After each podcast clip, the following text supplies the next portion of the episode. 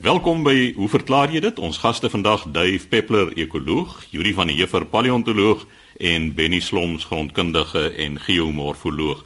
Benny, jy het 'n vraag ontvang oor 'n avokado peerboom in Robertson wat doodgaan. Nou hoekom gebeur dit? Dankie Chris. Ek het 'n brief ontvang van Piet de Vries van van Riebeek Laan in Robertson. Dit is eintlik 'n baie hartseer storie. Hy sê hy het 'n avokado peerboom wat probleme gee. Hy weet dis nie avokado wêreld nie, maar hy weet nie wat is verkeerd en wat moet hy doen om die boom te red nie. Hy sê hy het groot geword met vrugtebome en is dronk geslaan. En dan beskryf Piet die simptome wat hierdie boom toon. Hy sê wat gebeur is dat die boom se blare eers geel word en daarna op die punte begin bruin word. Met die tyd versprei die bruin kleur na die hele blaar en dan val die blare af. Dieselfde gebeur met takke. Dit word ook eers geel en later bruin en vrek. Hy sê heidaglik het die boom dus min blare oor, veral in die toppe, ook min sytakke. En die hartseer storie is, Piet sê hierdie boom van hom is 23 jaar oud en in die afgelope 3 jaar wat hy hierdie simptome ervaar. En luisteraars, u sal seker kan dink hoe groot is 'n 23-jarige avokado peerboom en hoeveel vrugte hy dra. Nou Piet, jy het die simptome baie mooi beskryf. Jy sê ook jy het kunsmis gegee en ysterkilaat indien daar 'n tekort was, maar dit het alles niks gehelp nie. Maar die simptome wat jy beskryf is presies dit wat 'n mens kry as jy Phytophthora infeksie het. Phytophthora is 'n swam, so 'n patogeen wat in veral natgronde voorkom en die wortels aanval wat uiteindelik lei tot wortelvrot. Ek is baie bekend met hierdie situasie want ek het ook so hier op Stellenbosch avokado peerboom verloor as gevolg van Phytophthora. Nou Phytophthora word versprei onder andere deur besproeiingswater wat 'n mens gebruik. Nou my vraag aan jou gaan wees gebruik jy leiwater daar op Robertson om daai leibeerd uit die kloof uit of het jy primêre water gebruik soos byvoorbeeld kraanwater van die munisipaliteit en boorgatwater? Nou Phytophthora is endemies in Suid-Afrika en uh, ons kry dit by wortels van vrugtebome en groente, veral koolgewasse. En Phytophthora was natuurlik ook verantwoordelik vir die doodgaan van duisende silverbome hier by ons in die Wes-Kaap. Hulle het letterlik oornag het dit gelyk of die blare verwelk en dan vrek die bome. Nou die vraag is, wat kan 'n mens doen teen hierdie swam? Hy kom deur die besproeiingswater in, hy is in die grond en hy val die wortels aan. Nou daar's 'n paar dinge wat 'n mens kan doen indien jy 'n kwaai infeksie het, is die beste maar seker om die boom uit te kap. Dit is wat ek genoodsaak was om te doen. Maar as jy appels wil plant, daar waar die huidige boom staan, nadat jy ou een afgekap het, steriliseer eers die grond. So grondsterilisasie is baie belangrik want dit sal hierdie swamme doodmaak. So jy kan by die naaste kunsmis of uh, gifstof agent kan jy uitvind watse middels daar beskikbaar is vir hierdie grondsterilisasie. Tweedens moet 'n mens avos plant op goed gedreineerde gronde. Daar moet nie staande water wees by sy wortels nie. Wat jy kan doen om dit te help, jy kan die grond opert daar waar jy die boom plant of net bo op 'n hoop gaan plant. Jy kan indien jy 'n nuwe boom gaan plant by die kweker uitvind of daar onderstamme is wat meer weerstandbiedend is teen hierdie patogeen. En dan soos ek gesê het, gebruik liefs primêre water, dis nou boorgatwater of munisipale water wat geklorineerd is om jou boom nat te lê. Nou mens kan natuurlik ook die bome bespuit om hierdie probleem te versag. En daar is twee middels wat 'n mens kan gebruik om die blare te bespuit, naamlik Adiet of Ridomil. Nou hoe suksesvol 'n mens daarmee gaan wees sal afhang van 'n klomp faktore waarop ek nou nie sal ingaan nie. Maar saam met hierdie bespuiting is grondsterilisasie ook baie belangrik. Nou Piet, my antwoord is 10 te 1 nie goeie nuus vir jou vanoggend nie want uh, as Phytophthora eers ingekom het en jy maak nie 'n plan met hom nie, dan sal hy boom net al hoe meer agteruit gaan jaar na jaar. En daar is niks so hartverskeurend soos 'n avokado peerboom stelselmatig hier onder jou hande besig is om dood te gaan nie. So ja, as jy die grond steriliseer, moet jy ook 'n middel gebruik wat nie die wortels ook tot niet sal maak nie. Ek onthou in die vroeë jare toe mens nog metielbromied kon gebruik het vir beroking, dit het alles doodgemaak. Dit sal die boom ook doodmaak, maar dit is nou verbied. Mens kan nie meer metielbromied uh, gebruik nie. Ek vermoed daar's baie meer omgewingsvriendelike berokingsmiddels op die mark, maar dit moet jy gaan uitvind daarso en uh kyk of jy dit kan toedien terwyl die boom nog staan. Om seker te maak dat hierdie prognose van my reg is, kan jy altyd 'n monster neem, 'n grondmonster neem, maak 'n gat langs die boom en neem 'n monster van die grond en van die wortels en stuur dit na 'n plantpatologie laboratorium dat hulle dit 100% kan verifieer dat dit wel Phytophthora is, maar ek is seker dit is jou probleem daar in Robertson.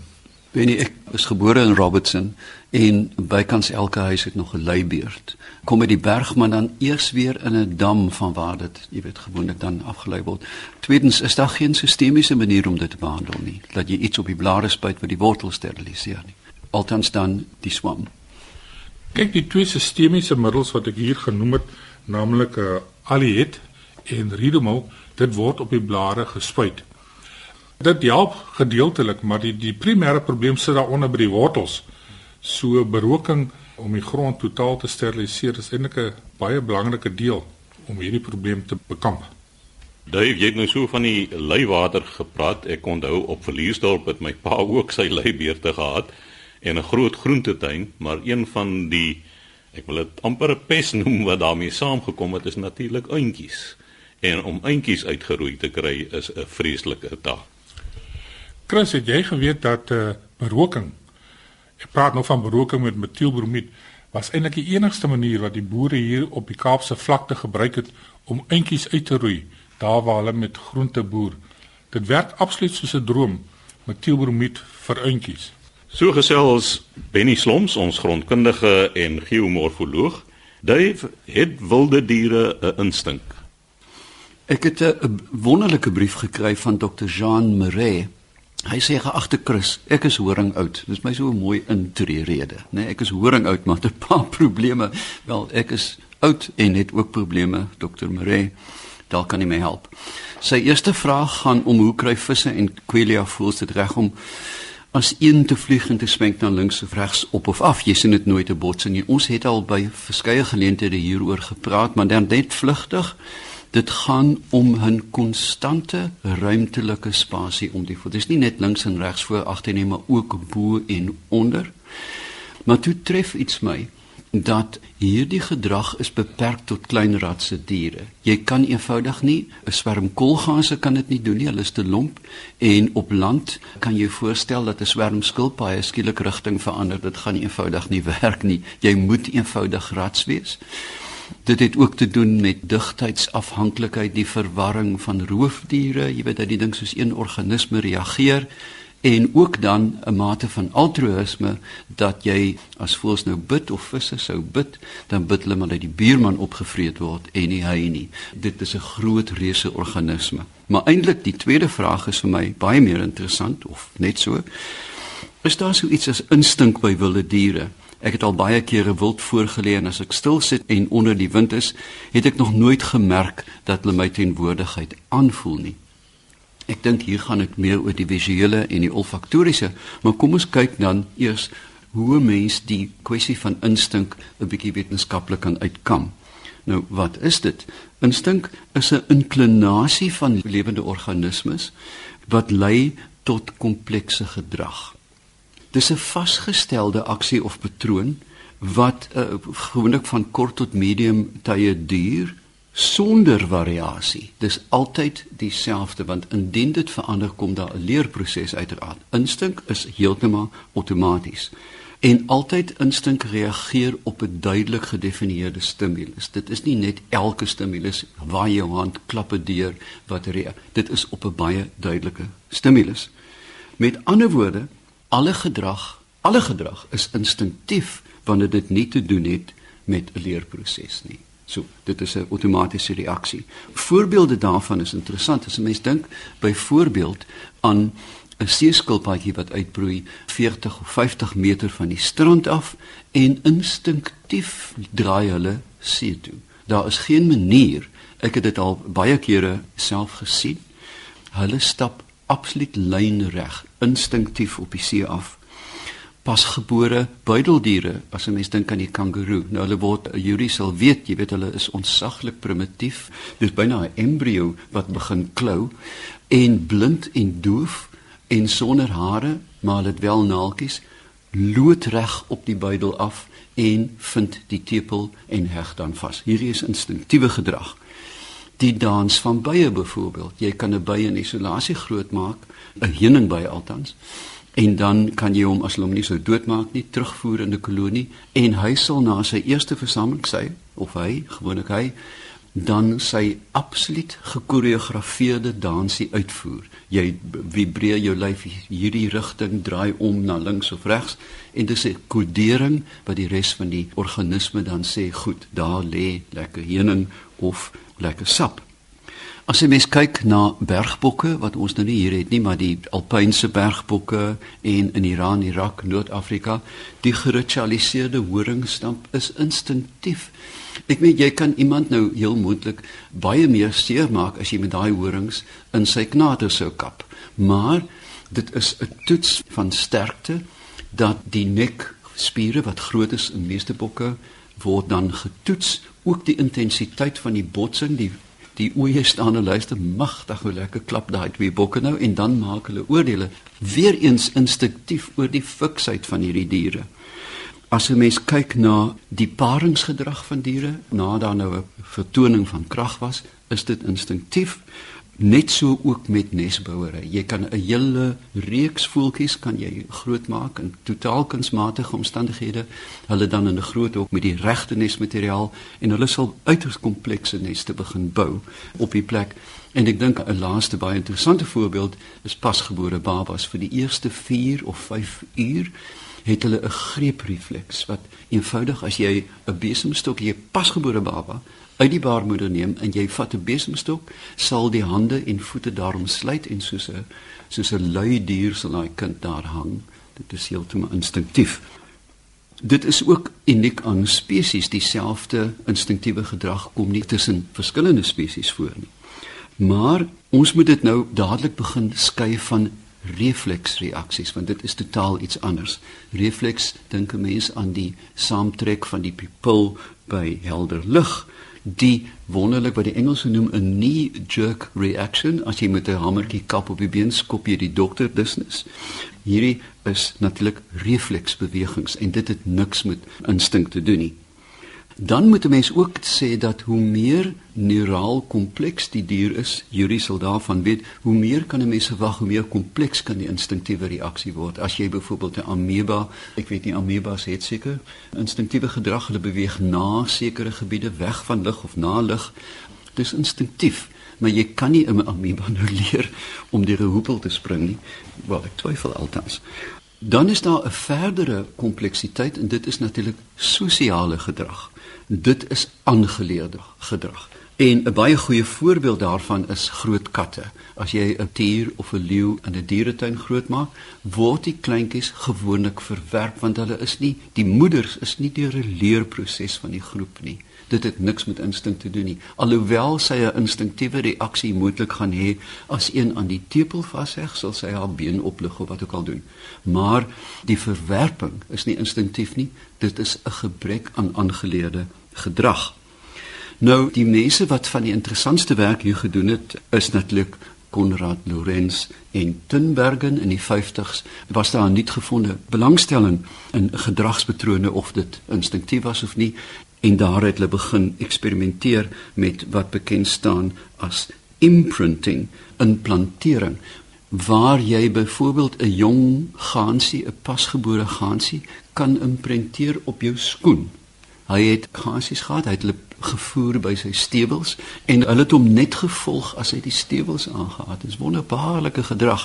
Mense sien dit nou uitgerol in moderne video programme van ganse wat aangeleer is om 'n klein vliegtuig te volg en jy kan hulle dan op migrasie volg oor kontinente heen want hulle is half gebonde aan hierdie masjien. Dis vreemd. 'n uh, Mens vind dit ook byvoorbeeld in valkonierskap waar spermdonasie gewoonlik hulle word geïmplanteer op 'n hoed en dan dink die valk dat die hoed is 'n wyfie en dan bevrug hy die hoed en so kan jy dan sperm in die hande kry. Kom ons keer dan terug na u vraag Dr. Marie. Ja, alle diere reageer instinktief op 'n baie vasgestelde stimulus. En omdat ek dink hierdie voorlê verwys na jag, kan 'n mens dit baie mooi verduidelik. U sal weet dat die Duitsers veral in beboude gebiede gebruik 'n stelsel wat hulle noem hoogsitse waar jy 'n torentjie bou waar jy op sit en dan sit jy bo die ooglyn van die dier en hulle ignoreer. Daar's geen stimule nie. Jy kan die die bokke stap onder deur die toring, maar die oomblik as jy op hulle vlak kom, skrik hulle. Mense dink aan kamouflering, mense dink aan lokkers by kolganse. Jy kan 'n absurde papierkolgans buite lyn op die grond sit en mannetjies val uit die lug en probeer paar met die ding. Dit is eintlik tragies dat jy hom dan moet skiet in so 'n oomblik van welis. So, 'n mens sien dan oral in die natuur hierdie pragtige gedrag wat instinktief is. Jy kan ook diere lok met geluide, tak, bok, horings teen mekaar kap en dan kom die bokke aangehardloop, maar die groot sleutel tot die vraag is om altyd te besluit en te kyk of dit instinktief of refleks is. So sê Dave Peppler, ons ekoloog, laaste aan die beurt vandag is Juri van die Heuver paleontoloog. Nou Juri, jy gaan begin met terugvoer Jy het so 'n tydjie gelede gesels oor gisoeie en koeie en jy het nou terugvoer ontvang daaroor. Dankie Chris. Ja, dit was 'n baie interessante vraag van meneer Nakkie Strydom van Potchefstroom en hy wou uitvind oor die kwessie van gisoeie en die woord koen. Ek het toe bekend dat ek nie die woord koen ken nie en ons het 'n goeie reaksie van die luisteraars gehad, maar voor dit wil ek net noem dat ons nie tyd gehad het om 'n bydra te behandel wat jy wou gemaak het oor trofeejag en die grootte van horings en die teel van diere met groot horings nie Chris. Ja, Judy, na aanleiding van die teel van diere met al groter horings om nou trofee diere te kry, het ek toevallig 'n artikel gelees van die voorsitter van die Afrikaner Beestelers Genootskap wat toevallig ook 'n wildboer is. Hy teel self ook wild hy het 'n groot wildplaas. En toe waarsku hy teen die gebruik om te teel vir al groter horings want hy sê om daardie groot horings te kry word baie testosteroon benodig en dit veroorsaak op die ou end dat die dier baie minder vrugbaar is die manlike dier en ook nie sulke sterk manlike eienskappe toon nie nou hy is toevallig ook 'n mediese dokter en ek dink 'n mens kan redelik waarde heg aan wat hy gesê het daar. Met die program het ek ook gesels met Dr Gerrit Steenkamp van Ondersupport om meer uit te vind oor hierdie balans soos jy ook nou reeds genoem het tussen horinggroei en die hormonale afskeidings van die diere. En een ding wat hy genoem het wat ek ook nog graag wil bysê is dat daar is firmas wat volgens hom nou voeding bemark en dit verkoop aan wildboere met die versekering dat dit diere gaan produseer met baie groter horings. En die aanspraak is nou dat dit dan trofeejagters sal lok. En sy oordeel hieroor is dat daar is geen wetenskaplike bewys dat enige van hierdie voedingsmetodes werk nie en hy het gevoel hy moet dit net onder ons aandag bring. Wat ek eintlik dan wil noem oor die kwessie van die koen is dat daar 3 briewe gekom het en dit is nogal baie vir ons van luisteraars wat verklaringe gee. Die eerste een is van Dan Pinaar wat kortlik sê ek het op die goudvelde van die Vrystaat naby Virginia groot geword en daar is die in aanhalingstekens twee slagtige bok 'n queen genoem K W E N. Ifa kundige het koen as wisselterm gebruik. Die tweede brief is van Isak Cronje van Viljoenskroon en hy sê na aanleiding van die bespreking oor onvrugbare vroulike diere ook gisoeie genoem is daar 'n woord genoem wat dokter Yuri van den Heever nie die betekenis van geken het nie. Nou ja, onderstreep dit nou maar. Die woord wat seker swak geskryf was deur die briefskrywer en wat gelei het tot die onsekere uitspraak is queen. K W E E N. Verklarende Afrikaanse Woordeboek. Onvrugbare vroulike bees, perd ensovoorts. Ek het boere dit ook al hoor uitspreek as queen of dan nou die Engelse uitspraak queen. En dan is daar 'n effens langer brief wat van Matthys Strydom van Bosplaas in George gekom het wat sê in die program is dit nou so bespreek oor gusdiere en die persoon wat geantwoord het was onseker oor die woord koen K W I N wat ook gebruik word. In die veebedryf word na 'n droë en hakies nie dragtige diere of ook onvrugbare vroulike diere as gusdiere verwys.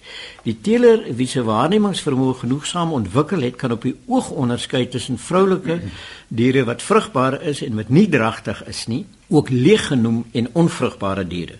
Onvrugbare vroulike diere wat nie maklik dragtig sal word nie, word ook kwene genoem, K W E N E, die meervoud. Moontlik kom die woord queen KWN van die Engels queen af. Die onvrugbare vroulike dier is gewoonlik in 'n beter kondisie as haar vrugbare susters. Gelukkig ook want in 'n kommersiële boerdery moet sy liefs dadelik verkoop word om meer kos vir die vrugbares beskikbaar te stel. Nou ja, en om alles dan af te rond, het ek na die program 'n fotokopie gekry wat deur ons programleier aan my gestuur is, Chris, wat hy uit sy kopie van die WAT, die Woordeboek vir die Afrikaanse taal, gekry het en daarin word alles nou verklaar. Maar ek wil net sê, toevallig na ons program het ek en my vrou 'n lesing bygewoon deur Dr Willem Botha, die hoofredakteur van die WAT waarin hy nou 'n lansie gebreek het vir die WAT en gesien hierdie inligting wat Chris nou gestuur het, het ek onmiddellik gegaan die volgende dag en vir my 'n elektroniese kopie van die WAT gaan koop. So hopelik sal my Afrikaans nou by wees. Wat interessant was met die praatjie is dat daar toe die aand pamflette uitgedeel is waarop ons kollega wat hier langs my sit ook verskyn waarin hy die WAT as 'n soort van 'n verteenwoordiger propageer en Dr Botha se gesprek die aand het op een ding gedui is dat die WAT nie 'n onderskeid maak tussen woorde nie indien daar 'n woord in die taal is in die streekstaal is iewers wat gebruik word en waarvan hulle dan gewoonlik omtrent 5 gebruiksvoorbeelde in die hande kan kry dan gaan die woord in die WAT in want dit is 'n poging om alle Afrikaanse woorde wat gebruik word te lys. En in die stuk wat Chris aangestuur het, word gis ooit dan ook behandel. Ek dink ons het dit nou redelik goed uitgetrap. Maar dan onder die inskrywing queen word daar gegee die meervoud queene en ook soms queen queen k w e n queen k w e n quint k w e n t en queen die eerste betekenis daarvan is as 'n onvrugbare vroulike dier, gewoonlik van 'n stuk groot vee, maar soms ook van 'n stuk klein vee of ander onvrugbare soogdier gesê en veral van so 'n vers en dit is nou nogal interessant wat as een van 'n tweeling saam met 'n bulkalf gebore is. Nie identiese tweelinge kan 'n bul en 'n vers wees. In laasgenoemde geval is die vers gewoonlik onvrugbaar, maar nie altyd nie. Dit is omrede die hormone wat gedurende dragtigheid deur die bulkalf afgeskei word 'n nadelige invloed op die embrionale ontwikkeling van die verskalf uitoefen en met die gevolg dat haar vroulike organe onderontwikkel is en dat daar 'n neiging is vir die rudimentêre manlike organe om taamlik sterk te ontwikkel. So ver staan bekend as 'n queen. Daar's ook 'n uh, Engelse woord daarvoor, die sogenaamde free martin. Dit kom uit SWJ van Rensburg se geskrif teelprobleme. Dan weer, soms is 'n vers, dit is die vers van 'n tweeling saam met 'n bulkalf, ook 'n trassie. Nou bring ons 'n verdere woord in in hierdie ding in, maar nie altyd nie. Daar moes 'n bees geslag word, is die voorbeeld, 'n mooi vet koei is van die beeste afgekeer, 'n koeien dit help tog nie om 'n ding aan te hou wat nie kalf nie. Dis die eerste betekenis. Dan is daar die tweede betekenis en dit verwys na mense. Dis 'n onproduktiewe persoon en dit word gewoonlik blykbaar in die literêre tradisie aangewend. Iemand wat nie produseer as 'n literator nie. En die voorbeeld is ons rade wat die letterkunde in toom moet hou, ons komitees wat met prystoekennings die letterkunde in 'n bepaalde voortjie moet probeer lei. Dit moet almal kwene onvrugbaar is of anders ou oeye wees in elk geval tot die gusvee behoort. Nou dit is die uitspraak van NP van Wyk Lou. En dan is daar 'n derde betekenis van hierdie woorde En dit is 'n onverwynde, soms ook 'n twissieke of 'n bemoeisieke vrou. Hoekom die vrouens nou almal moet ly hieronder, weet ek nie. Die voorbeeld is 'n queen bespeel dit vir drie paartjies wat dans. En verder aan word daar dan ook gepraat van 'n uh, sedelose vrou. Dis opgeteken in Montetjie op Stellenbosch is daar ook opgeteken so 'n ou queen steek altyd haar neus in ander se sake.